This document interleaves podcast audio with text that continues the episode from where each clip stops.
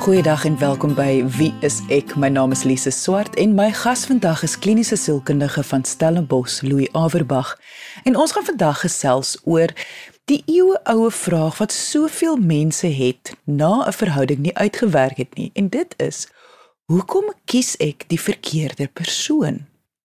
Daardie vraag het die meeste van ons al vir onsself gevra of ons het vriende of geliefdes wat aanhou om daardie vraag te vra. So ons gaan vandag kyk na hoekom hou mense aan om die tussen aanhalingstekens die verkeerde mense te kies vir verhoudings. Indien jy enige vrae oor vandag se onderwerp het, kan jy ons kontak deur ons webwerf gaan na www.wieisek.co.za. Maar kom ons luister nou eers na my gesprek met kliniese sielkundige van Stellenbosch, Louis Averbag, oor hoekom kies mense verkeerde verhoudingsmaats.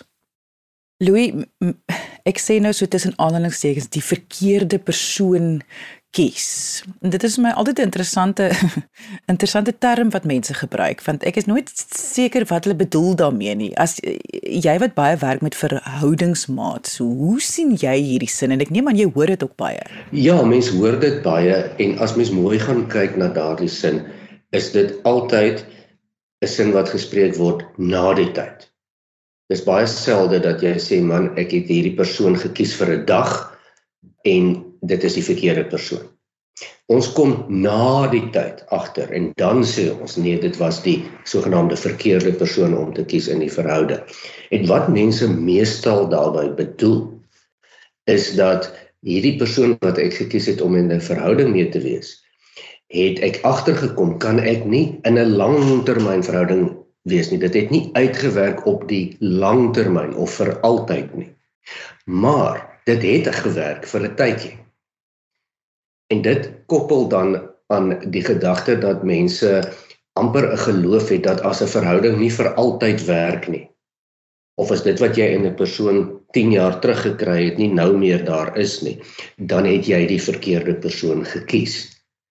En en en dit is 'n uh, dit is 'n baie ongelukkige posisie om in te neem want ek dink nie dit werk regtig so nie.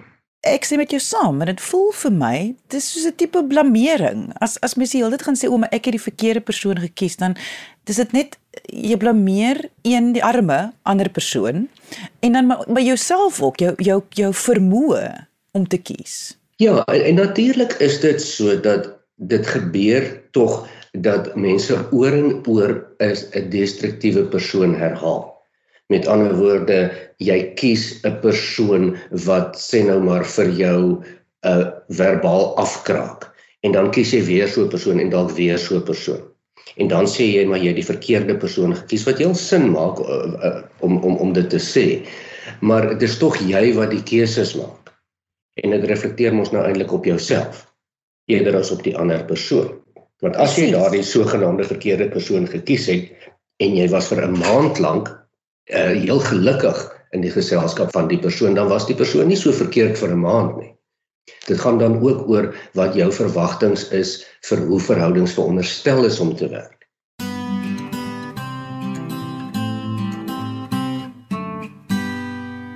Fokus gou op presies wat jou voorbeeld nou was dat mense wat wel destruktiewe persone kies.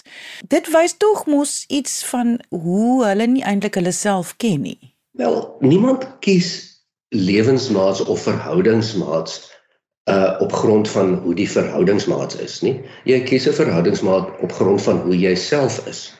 Mense kyk mos na mense soos jy is, nie soos wat hulle is nie. En alhoewel dit tog so is dat sekere mense makliker verhoudingsmaats is vir ander mense. Ehm um, kies ons mense op grond van ons eie behoeftes, ons eie persepsies en ons eie verwagtinge. En is die term dan na die tyd dat ek die verkeerde persoon gekies, is is eintlik 'n verskriklike wollerige term want wat sê jy nou eintlik? Sê jy nou eintlik dat jy kan nie goeie keuses maak nie, sê jy nou eintlik dat jy die persoon gekies wat gelyk het of dit die regte persoon vir jou is, maar toe verander het, wat sê jy nou eintlik? Maar meestal is dit dink ek dit kom neer op die groot verskil tussen langtermyn verwagtinge en korttermyn persepsies.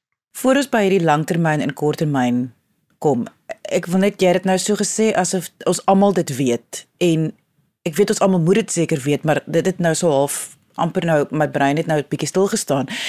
Jy het nou gesê ons kies mense gebaseer op wie ons is nie wie hulle is nie.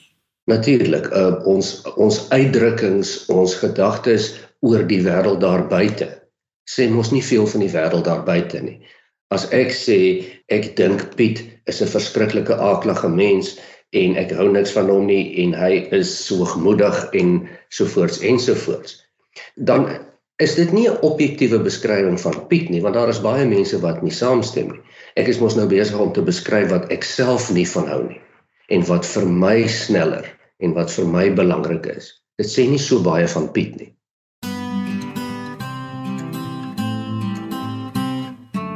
Daai ding wat baie ouers vir hulle kinders sê en ek wou amper sê ding my maar nog vir my ook gesê is wanneer jy nie van iemand hou nie, moet jy so half eers na jouself kyk want dit kan so half meer iets van jouself sê as van die persoon. Dis waar. Ja, so as jy 'n verkeerde persoon gekies het, verkeerd vir wat? En verkeerd vir vir wanneer en onder watter omstandighede en vir vir wat van jou? Bedoel jy die persoon is nie lank genoeg of kort genoeg nie? Bedoel jy die persoon praat nie mooi genoeg met jou vir wat vir jou aanvaarbaar is nie? Waarvan praat jy? En weer eens dink ek dit kom vir my neer op die feit dat ons verwag ons moet mense ontmoet. En as ons oor 20 jaar nog nie saam met hulle is nie in 'n verhouding dan sê ons maar ons het die verkeerde persoon gekies. En dit is nie eintlik hoe dit werk nie. Wat ons natuurlik bring by die wat jy net gesê die langtermyn en korttermyn langtermyn verwagtinge en korttermyn doelwitte? Ja, kyk, ons het in 'n moderne samelewing en veral in 'n in 'n in 'n westerse samelewing waarin ons almal is en al die meeste mense wat hier nou luister, het almal die behoefte of die gedagte dat 'n liefdesverhouding wat werk of wat uitwerk word gemeet teen die aantal jare wat jy saam met die persoon is. En dit is tog so almal hou van die gedagte en het respek vir die gedagte van die bejaarde egpaar wat al 50 jaar getroud is en nog hande vashou. En ek dink dis wat almal meeste mense wil hê. Ehm um, dit is wat mense voor probeer as jy in 'n liefdesverhouding ingaan. Baie min mense gaan in 'n liefdesverhouding in met die gedagte dat dit net korttermyn gaan wees ons almal het so 'n behoefte vir dat dit sogenaamd vir altyd sal wees. Dit gee sekuriteit, dit gee rustigheid, dit gee vir jou daardie gedagte dat daar iemand spesiaal vir jou is vir altyd. Maar dit is 'n 'n 'n verwagting wat eintlik op baie min realiteit gegrond is. Dit werk eintlik nooit so in praktyk nie. As jy gaan kyk na liefdesverhoudings, huwelike, egskeidingssyfers is geweldig hoog reg oor die wêreld as jy gaan kyk na die mense wat dan nie uitmekaar uitgaan nie en in hulle verhoudings bly, hulle is ook nie almal gelukkig nie. Baie baie mense is dalk vir 30, 40 jaar getroud, maar hulle is uiters ongelukkig in in in, in hierdie verhoudings. Nie almal nie, maar baie. En ek wil amper sê die helfte van alle mense ten minste. Maar die verwagting is dat ons moet mekaar miskien in ons 20's ontmoet. Dan hou ons van mekaar en ons dink ons kan 'n langtermyn lewe saam maak. En ons verwag dat daardie persoon vir die volgende 50 jaar jou beste vriend moet wees, jou beste seksuele maat moet wees, ehm um, jou vertroueling moet wees, altyd jou rug moet hê, jou altyd moet ondersteun of meestal moet ondersteun, nie verander nie, nie ander gewoontes aanleer nie en saam met langslewendheid wat met 'n moderne tyd gekom het, is dit 'n geweldige geweldige onrealistiese verwagting om te kan hê. Dit is nie sommer so maklik bekombaar nie. En as ons ons daarteen meet, dan kom ons gewoonlik op die konklusie af van ag jong, ek het die verkeerde persoon gekies of um, ek het 'n fout gemaak of wat ook al die konklusie mag wees. Maar van die begin af was die verwagting eintlik bietjie onrealisties geweest.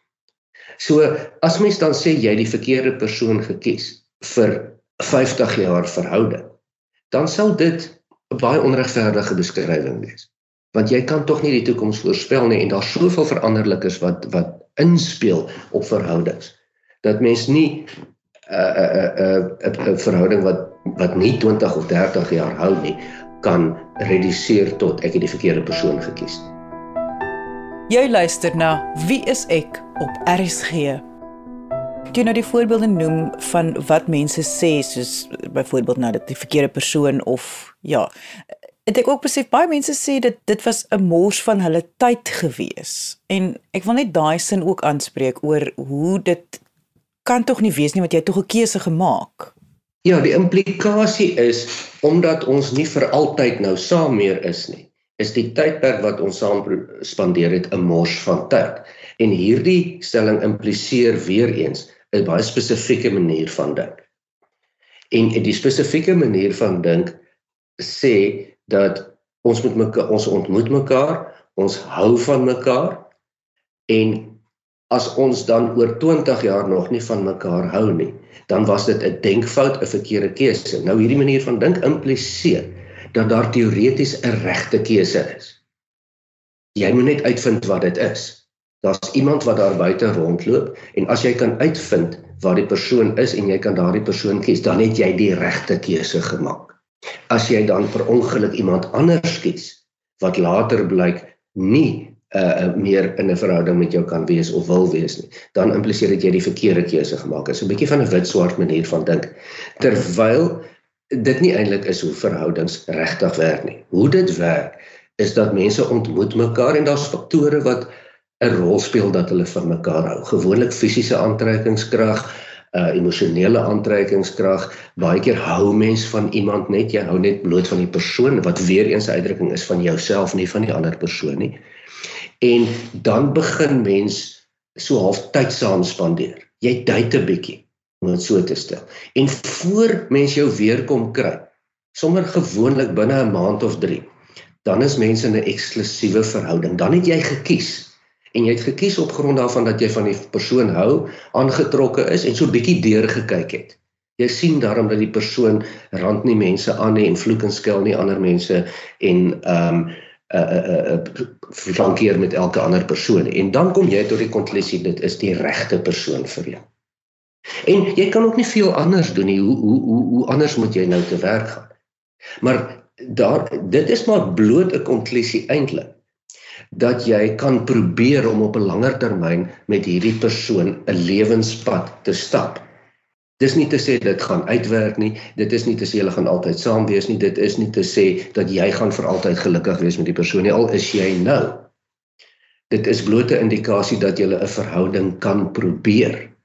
En as mens dan gaan en jy sit sekere goed in plek aan in daardie verhouding, dan staan dit 'n beter kans om 'n langtermyn leeftyd te hê. Maar dit is nooit gewaarborg nie. En die stelling wat ek dus wil maak is daar is nie vir jou 'n regte of verkeerde persoon nie. Daar daar is baie mense met wie jy moontlik 'n liefdespad kan stap. Maar daar's nie net een nie. En as jy oor 10 jaar sien, maar hierdie pad loop nie soos wat hy geloop het nie, en wat jy wou hê dit moes loop nie, is dit nie noodwendige indikasie dat jy eintlik die verkeerde persoon gekies het en die ander persoon is net hier in die omtrek en jy moet net daardie persoon soek nie. Mense verander doelwitte verander en ons weet ook dat langterm die geluk van langtermynverhoudings ehm um, hang nie eintlik daarvan af of dit nou 'n regte of 'n verkeerde keuse was nie. Natuurlik is daar voor die hand liggende mense met wie jy nie in 'n verhouding moet wees nie. Met iemand wat jou afkraak of fisies aanrand, dit is ek moet dis mos nou voor die hand liggende is dom keuse om so iemand selfs te probeer. Maar jy gaan nie iemand kies en jy slaan die boerpot daarmee en jy hoef niks verder te doen nie en oor 30 jaar is julle nog steeds liefies en saam met mekaar nie. Dit gebeur nie. Dit gaan oor die werk wat ingesit word in daardie tydperk. Louis, jy het verwys na die werke wat mens moet insit om 'n verhouding te laat werk. En ek dink net net om dit miskien van 'n ander perspektief te sien. Paartjies wat wel vir 30 jaar, 50 jaar nog saam is. Wat het hulle gedoen wat mense wat geskei het of so byvoorbeeld nie gedoen het nie. Dit is nou nie dis nou nie in die sement gegiet hier nie, maar eh, min of meer. Mense wil net eerstens daarop sê dat om 50 jaar saam te wees, uh, om getroud te bly is nie so moeilik nie. Om gelukkig getroud te bly is waar dit waar dit moeilik raak, nê, waar beide partye sê maar hoorie, ons is daarom gelukkig nog na 30 jaar, ons wil graag saam wees, ons kry meer daaruit om saam te wees as om apart te wees. En hier en daar kry jy mense vir wie dit net eenvoudig werk. Hulle was saam op skool, hulle het sommer op skool al gekuis gewees, hulle is vir altyd saam en dit werk net.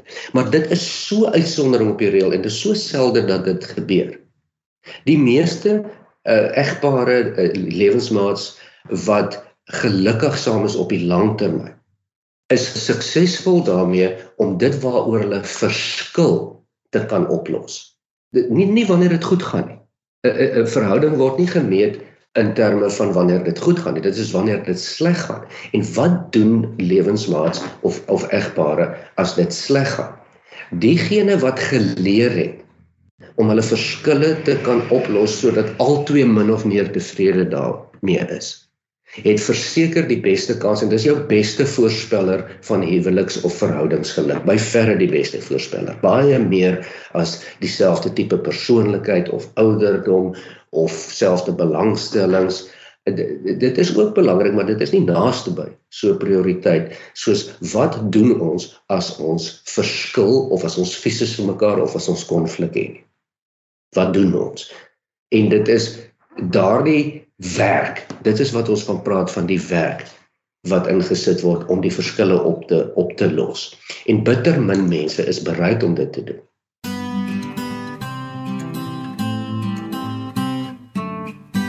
Maar nou is daar nou Sunny en sy voel sy kies altyd die verkeerde persoon. En dit maak 'n vreeslike hartseer want soos jy in die begin gesê het, ons almal het hierdie dryf na eh, 'n uh, liefdesverhouding gaan eintlik wys ons is suksesvol in die lewe om een of ander rede. Maar die dryf is daarso. So wat moet sy dan implementeer van die begin af? Wanneer sy nou vir Piet ontmoet en sy hou van Piet en sy dink Piet is dalk 'n goeie kandidaat. Wat moet hulle dan implementeer van die begin af? Wel, wat gewoonlik gebeur is dat Sunny en Piet ontmoet.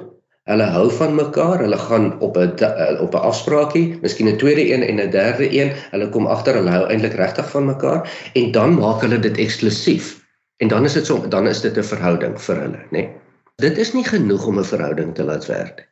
In hierdie voorbeeld sou ons graag wou gehad het dat nadat Sunny agtergekom het sy hou van Piet, dat sy hom nog nie kies nie Daar's baie mense wat mens van hou en wat mens 'n lekker fling mee kan hê, wat jy maats mee kan wees, dat jy op 'n op 'n afspraak gaan, vriende met voordele, maar noem dit wat jy wil. Maar dit beteken nog nie dat hierdie persoon kiesbaar is vir 'n langtermynverhouding. Wat ons vir Sunny sou voorstel, is jy moet eers gaan seker maak of jy 'n langtermynpad met Piet kan kan stap al hou jy van hom. Die feit dat jy van hom hou dat hy 'n liewe gawe persoon is, is nie naaste by genoeg nie. Die vraag hier is as jy en Piet verskil oor iets en julle gaan nie binne daai eerste 3 maande verskil of 6 maande nie. Maar wanneer julle begin verskil, hoe gaan julle dit oplos en kan julle dit oplos? Is Piet bereid om met jou te sit, na jou te luister en tot 'n gesamentlike oplossing te kom? En en as hy nie is nie, is hy bereid om dit te leer doen. Want nou kan jy sê as jy hom dan kies, dan kan jy nou baie nader kom aan ek het die regte persoon gekies. En die regte persoon vir 'n langtermyn verhouding is die persoon wat of in staat is of bereid is om te probeer. Wanneer dit daar verskille is, dit op 'n manier op te los tot albei se bevrediging. Nou dit klink vreeslik voor die hand liggend, maar ek wil tog die uitdaging stel om te sê maar hoeveel mense ken jy wat dit bereid is om dit te doen en dit te kan doen? Baie baie min. Hoekom sukkel ons wel daarmee? Is dit omdat ons nooit aangeleer is hierdie vaardigheid hoe hoe om te kan erken presies net dit lesse. Mense, ons almal dink dat omdat ons kan praat en omdat ons darm redelik ordentlike mense is met nie nare bedoelings nie, dat ons in staat is om in 'n liefdesverhouding geskille te kan oplos. En ek sê weer bitter min mense kan dit doen. Dit is 'n vaardigheid wat jy moet aanleer en as jy dit nie aangeleer het nie, werk dit nie. Ons is nie van nature in staat om dit te kan doen nie.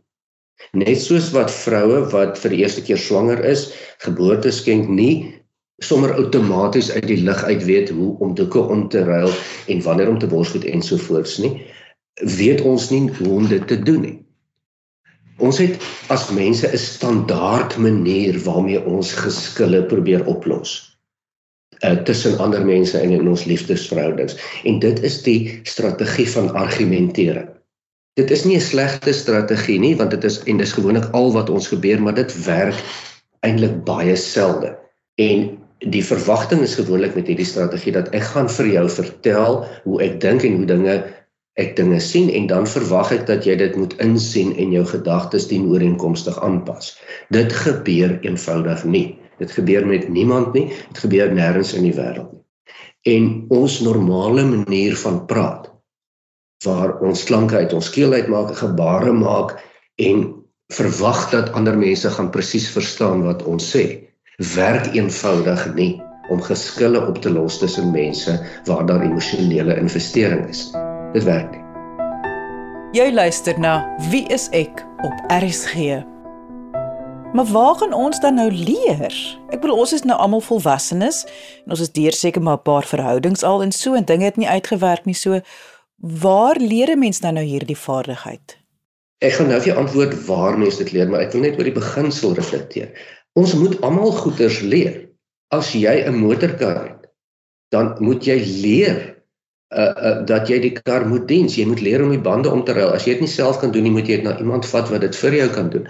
Want jy kan nie net die regte voertuig kies, dis nou kamstig die regte een en dan ry jy hom eenvoudig net, maar jy onderhou hom nie en jy doen niks om te sorg dat hy nog oor 10 jaar gaan ry nie. Die feit dat jy net versigtig ry en nie soos 'n uh, jaagduiwel te kere gaan nie, is nie genoeg nie. Daar moet prosesse in plek gesit word. Ons leer dit. Dit is deel van die lewe wat ons probeer en ons leer en in ons pas aan. Maar die vreemde ding is dat met ons liefdesverhoudings doen ons nie onderhoud nie. Ons kies iemand en ons verwag dan moet dinge net glad loop. Terwyl dit die area van mense lewens is waar die meeste onderhoud, die meeste werk moet gedoen word. En daar is baie mense wat kan help hiermee wat hulle wat hulle dit hulle lewe maak ander mense te help om dit meer effektief te kan doen. Ek spandeer baie tyd met egpare en verhoudingsmaats. Dit beteken nie ek is slimmer of beter as ander mense met verhoudings nie. Maar dit beteken net ek het dit my taak gemaak om te leer wat werk en hoe om dit oor te dra vir ander mense dat hulle vinniger en meer effektief hulle verhoudings kan bestuur. Dis maar soos enige iets anders. Kyk, almal sê jy moet aan jou verhouding werk en jy moet kommunikeer. Dis die die die goue woord kommunikasie. Maar hoe doen jy dit? Aangename uh uh lieflike mense maak nie noodwendig goeie verhoudingsmaats nie. Die realiteit is dat daar baie meer in daardie verhouding moet ingaan om dit op 'n hoër kwaliteit te hou.